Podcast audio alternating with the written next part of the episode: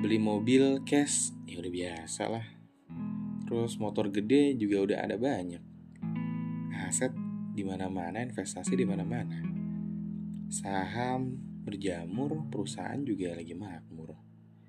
Rumah udah terbangun. Yang lebihnya lagi sih ATM bejibun. Apalagi ya?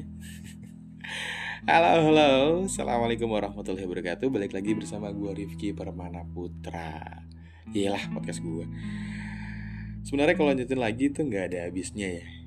Mau sampai kapan pun tuh keinginan manusia tuh Mau ini, mau itu, mau apa pun A, B, sampai Z itu nggak pernah cukup. Jadi sudah semantasnya kita harus apa? Iya bener, kita harus kona'ah, merasa cukup. Kekayaan itu bukan diukur dari angka ya. Kekayaan itu diukur dari jiwa, teman-teman.